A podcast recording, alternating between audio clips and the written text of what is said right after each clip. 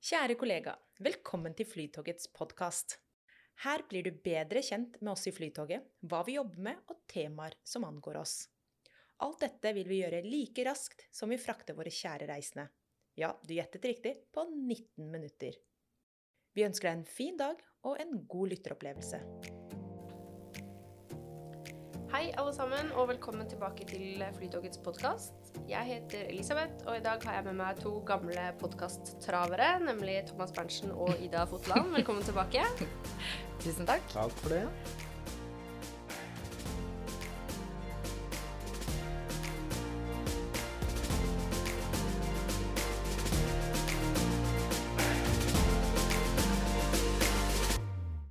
Hvordan går det med dere? Nei, det går fint. Jeg føler at man uh, kjenner at vi lever litt om dagen, sånn jobbmessig. Det skjer mye. Ja, det skjer veldig mye. Uh, spennende og veldig, veldig fulle kalendere. ja. Så da får vi ta resten av dagen i bruk. ja. Ja.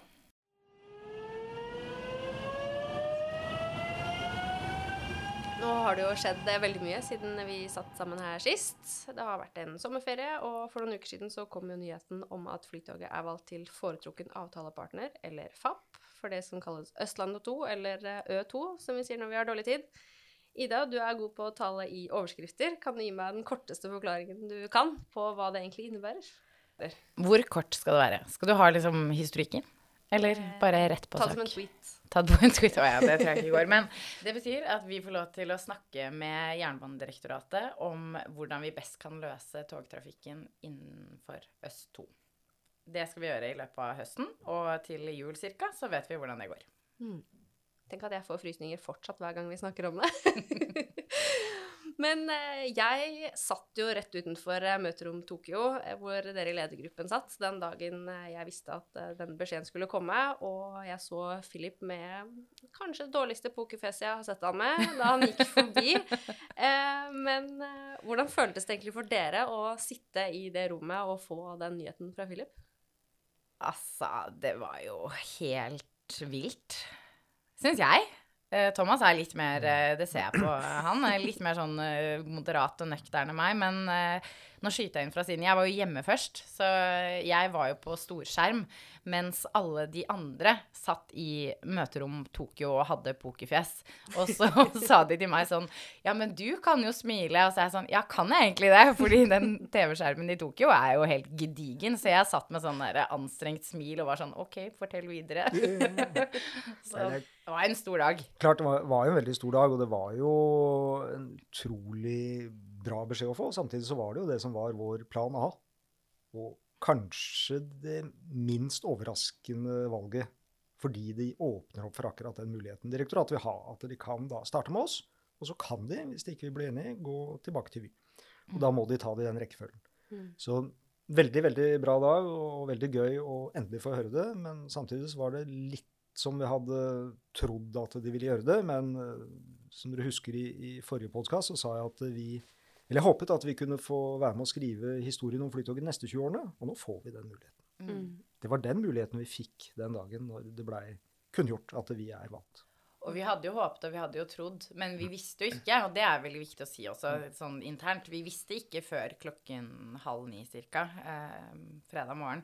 Men jeg syns det er veldig gøy når venner og kjente og sånn er sånn Ja, er dere overrasket? Og det virker som at for alle andre har det kommet som et kjempesjokk. Eh, det er jo sånn Thomas sier, vi har jo jobbet med dette her en, en ganske god stund og gjort det vi kan av forberedelser. Så det er jo ikke sånn at vi bare Å, herregud, dette er helt totalt overraskende, ikke sant? Som det har vært for omverdenen.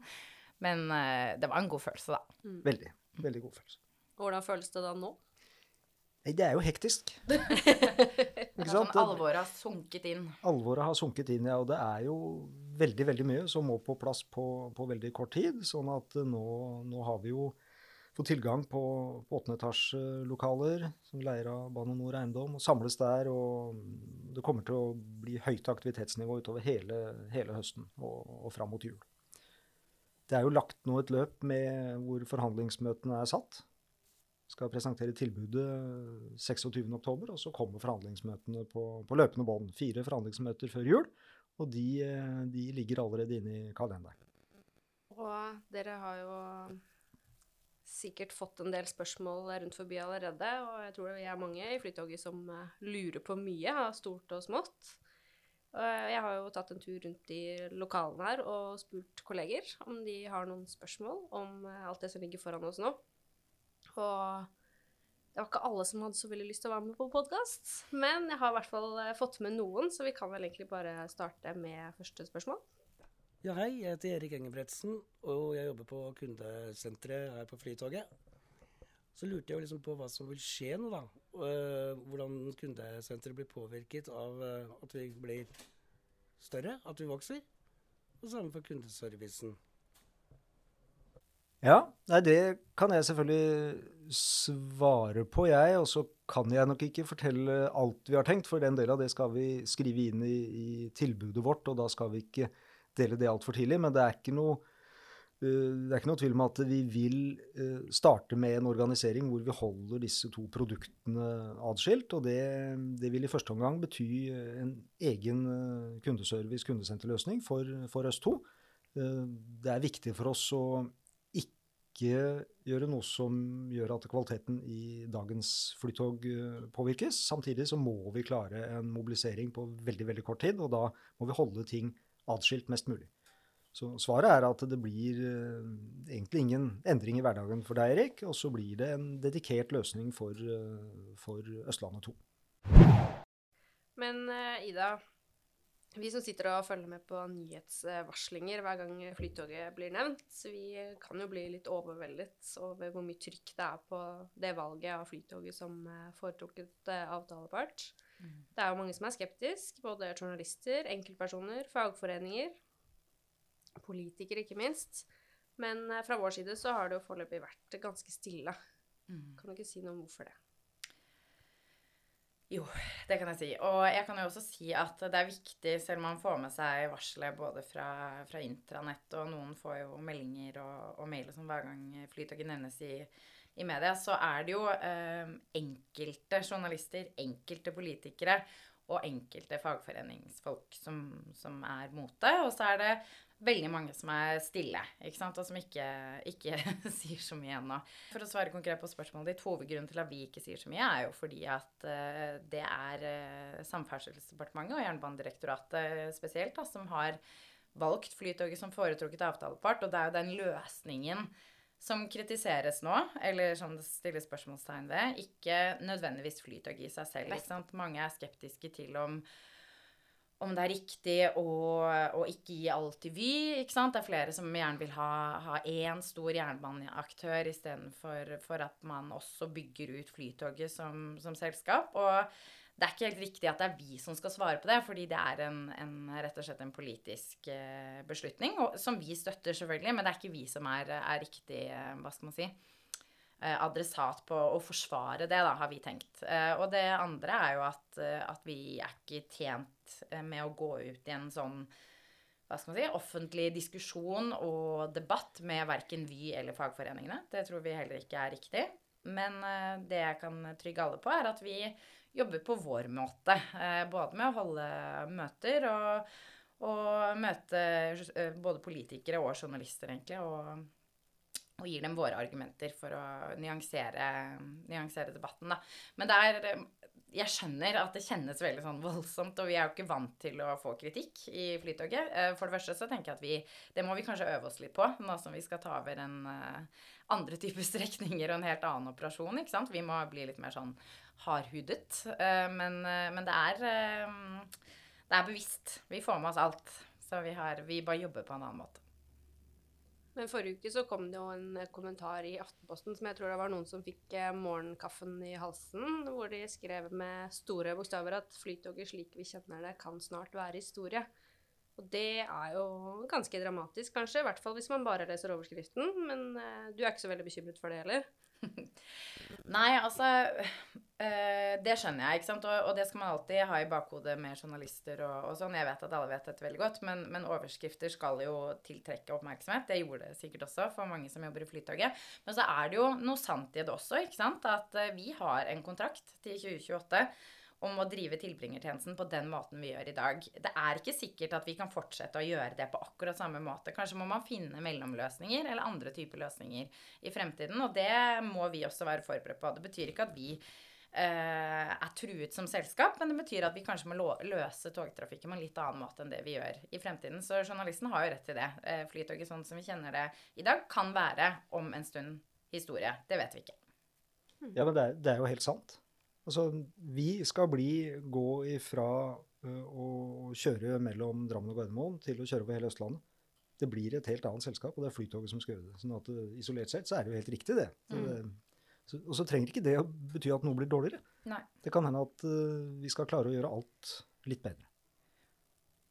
Og så vet jeg ikke dette Altså, for å svare litt mer en, Bli enda mer konkret på det, så kan det jo også godt hende at ikke sant, Folk får sikkert med seg denne her debatten med at, at det er tomme flytog, og det er trangt for pendlere, og, og, mange vet også sikkert at vi har jobbet lenge for å prøve å få til en egen sone på Gardermoen. Altså alle disse tingene er jo en del av det man kanskje skal se på nå i forhandlingene med Jernbanedirektoratet, og se om man finner en bedre løsning for de reisende på Østlandet. Det er, på en måte, må vi også være åpne for. Mm. Mm. Men apropos noe av det som eh, kjennetegner Flytoget for mange, da, så har jeg et spørsmål fra Raymond. Hei, jeg heter Raymond. Jeg er flytogvert. Og så lurer jeg på én ting. Hva skjer med uniformene? Får vi nye uniformer? Ja, svaret på det, Raymond, er egentlig kort og godt nei. I første omgang så vil vi, som jeg var inne på i stad, operere dette som to forskjellige produkter, fordi det er to forskjellige kundegrupper og to forskjellige operasjoner under samme selskap. Men vi kommer ikke til å gjøre noe med flytogmerkevaren Eh, de første årene. Og hvordan det utvikler seg senere, det, det, er litt avhengig av hva vi blir enige med direktoratet om. Men du skal ikke bytte uniform i desember 23. ja, og hva som skjer med, med de andre, eller Vy sine uniformer. Eh, når vi tar over. Det en Det har vi også snakket ganske mye om. Kan ikke kaste de på dynga. Eh, vi må jo finne Fra et bærekraftsperspektiv så er det klart at vi må finne en lur måte å bruke det vi allerede har, mm. på. Um, det tenker jeg at um, uten at man skal love akkurat hvordan det blir, så er det noe vi kommer til å ta med oss inn. Mm.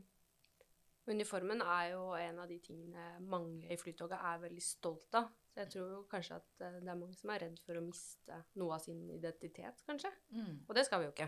Nei.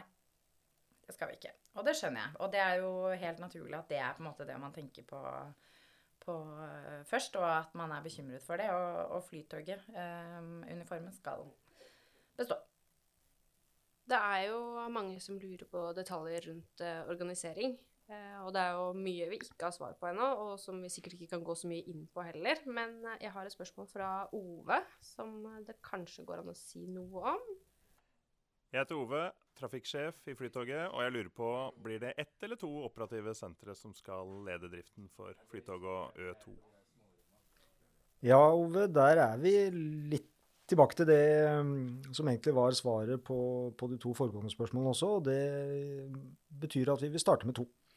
Vi må sikre mobilisering på kort tid, og vi må være operative. Vi skal få mange nye, gode kollegaer som kommer over fra Vy, og så skal vi utvikle det over tid. Men at vi kommer til å ha to operative sentre i en god periode, det er helt åpenbart. Mm. Vi har jo mye kompetanse som vi kan dra nytte av begge steder. Absolutt. Og det, er, det kommer vi til å gjøre, regner jeg med. Det er på ingen måte bestemt hvem som skal gjøre hva. Vi kommer til å få mye fin kompetanse i, i, virksomhetsoverdragelsen, og vi har mye kompetanse. Og hvordan vi setter sammen den kompetansen, og hvem som jobber hvor, det må vi se på når vi eh, er ferdig med å tegne kartet og ser hvem som blir med over i, i flytoget. Men vi trenger å holde eh, dette litt atskilt, og derfor er vi nødt til å begynne med to operative sentre. Og så må dette utvikles i takt med at produktene utvikles. og hvis vi på sikt ser at det vil bli en form for integrering eller sammenslåing, så vil selvfølgelig også det påvirke hvordan vi styrer den trafikken som kjøres. Men alle disse tingene er jo akkurat det vi skal nå finne ut av sammen med direktoratet for å lage et bedre tilbud på hele Østlandet. Og det er viktig, ikke sant? Det er jo det vi skal. Man blir så opptatt av detaljene, og er det liksom eh, eh, Eller i media, ikke sant. Er det ett selskap, er det to selskap? Hvordan blir dette her? Hele grunnen til at man gjør dette her, er fordi at man tror at Flytoget har noe både av kompetanse, av materiell, av historikk, mange ulike grunner til at vi har valgt, eh, som kan løfte tilbudet på Østlandet. Det er vårt oppdrag. Og som vi har sagt tidligere, og gjerne gjentar, så er det bilen vi skal konkurrere mot. Uh, Og vi kommer til å samarbeide masse med, med Vy når vi tar over Østlandet 2. Og det blir samarbeid på avviksløsninger, det blir samarbeid på kanskje tog, materiell, komponenter, altså mange områder. For uh, konkurransen er avlyst. Selv om noen sier at den ikke er det, så er det bilen vi nå skal konkurrere mot. Jeg har lyst til å bare si en ting som jeg glemte å si i sted, Lisbeth. Og det er at eh, selv om mediebildet kanskje er litt preget av folk som er motstandere av dette her, så vet jo vi at det er veldig, veldig mange vi møter som vi treffer av samarbeidspartnere, av kunder, av politikere og alt mulig, som syns det her er kjempespennende, og som er helt overbevist om at det Flytoget har å, å tilby, kan gi et kjempeløft på Østlandet. Så man blir liksom preget av det som, som får lov til å dominere i, i media. Uh, men vi skal ikke la oss skremme av det. Altså, det er veldig mange som heier på oss. Kan vi jo ta med et uh, siste spørsmål fra en av våre kolleger. Jeg heter Morten. Jeg jobber som forretningsutvikler. eh, Og eh, i Flytoget så har vi jo en veldig høy resultatmargin på rundt 20 Hva forventes at eh, den resultatmarginen er i for Bytoget? Ja, Morten, det tenker jeg du lurer på. Eh, Jeg skal nok ikke gå inn i eh, regnestykket vårt her, for det, det skal vi nok presentere for direktoratet før vi kommuniserer det ut. Men det er sånn at i et offentlig kjøp som dette er, så er det noe som kalles en ex-post-regulering, og da settes resultatet til en prosentandel av sysselsatt kapital. Eh, Og det nivået er ca. 7% som er ansett som en rimelig avkastning på sysselsatt eh, kapital. Og det betyr at eh, vederlaget blir regulert automatisk. Sånn at det er ikke noe tvil om at det kommer til å bli en lavere avkastningsgrad i, i denne pakken enn det vi har vært vant til. Men det kommer samtidig til å bli en veldig mye større pakke, som gjør at det er ikke sikkert totalen blir så mye dårligere enn det vi er eh, vant til. For det skal drives eh, fornuftig, og så skal vi jo sørge for at det offentlige får mest mulig igjen for de pengene de putter inn. Men det er klart det blir en litt annen hverdag. Men det eksakte tallet det tror jeg vi må holde litt for oss selv inntil vi er ferdig forhandlet.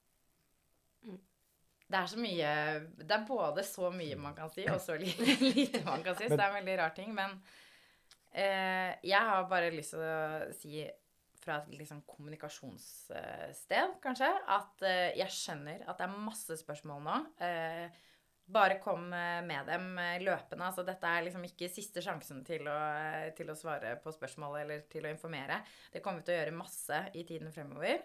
Um, men det er mye vi ikke vet. ikke sant? Og det er noe vi vet som vi ikke kan si eh, eksternt, eller ikke, ikke eksternt, men som vi ikke kan fortelle om internt ennå heller, fordi det er en del av forhandlingene. ikke sant? Så det er sånn der, litt ukjent uh, terreng vi går inn i nå, men vi skal gjøre så godt vi kan um, for at alle skal føle seg trygge hele veien.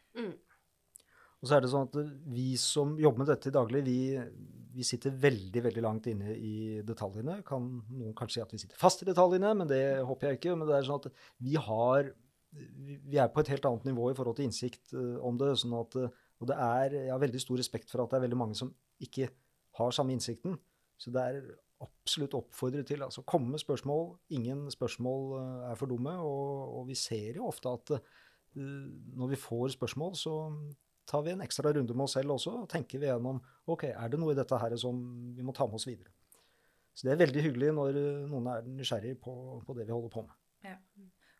Men dere, for å runde av, så tenkte jeg vi skulle kjøre en runde hvor dere bare får lov å svare ja eller nei. Vet ikke. Under tvil, hvis det absolutt må si vet ikke. Spennende. Fyr løs. Skal vi hete Bytoget? Ja. Nei. ok. Ja. Men hva mener du med vi? Ja, den nye pakken. Eller den nye Skal vi si? Ja, jeg, jeg tror spørsmålet må over- omformuleres. Altså det, det blei ikke et ja-nei-spørsmål, men jeg, jeg kan jo svare veldig kort på det. Flytoget heter Flytoget. Vi skal operere to merkevarer, eller to produkter. Og det ene produktet kommer til å hete Bytoget. Ja. Men vi skal hete Flytoget, eller Ja. noe i den Mm. retning. Skal vi kjøre hvert tiende minutt på alle strekninger? Nei. Nei. Søren òg. Blir det vanskeligere å være togpendler på Østlandet? Nei. Skal vi bruke noen av togene vi eier i dag, på nye strekninger? Ja. Ja. Ja. Blir det flere direktører? Flere enn hva da?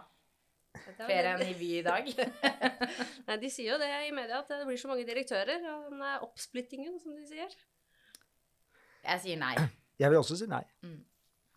Men blir dette skikkelig spennende? Ja! Den kom altfor sakte. Thomas og Ida, tusen takk for at dere kom for å snakke litt mer om Ø2. Jeg tipper vi snakkes snart igjen, ja. Håper det. Håper liker det. ja. å være her.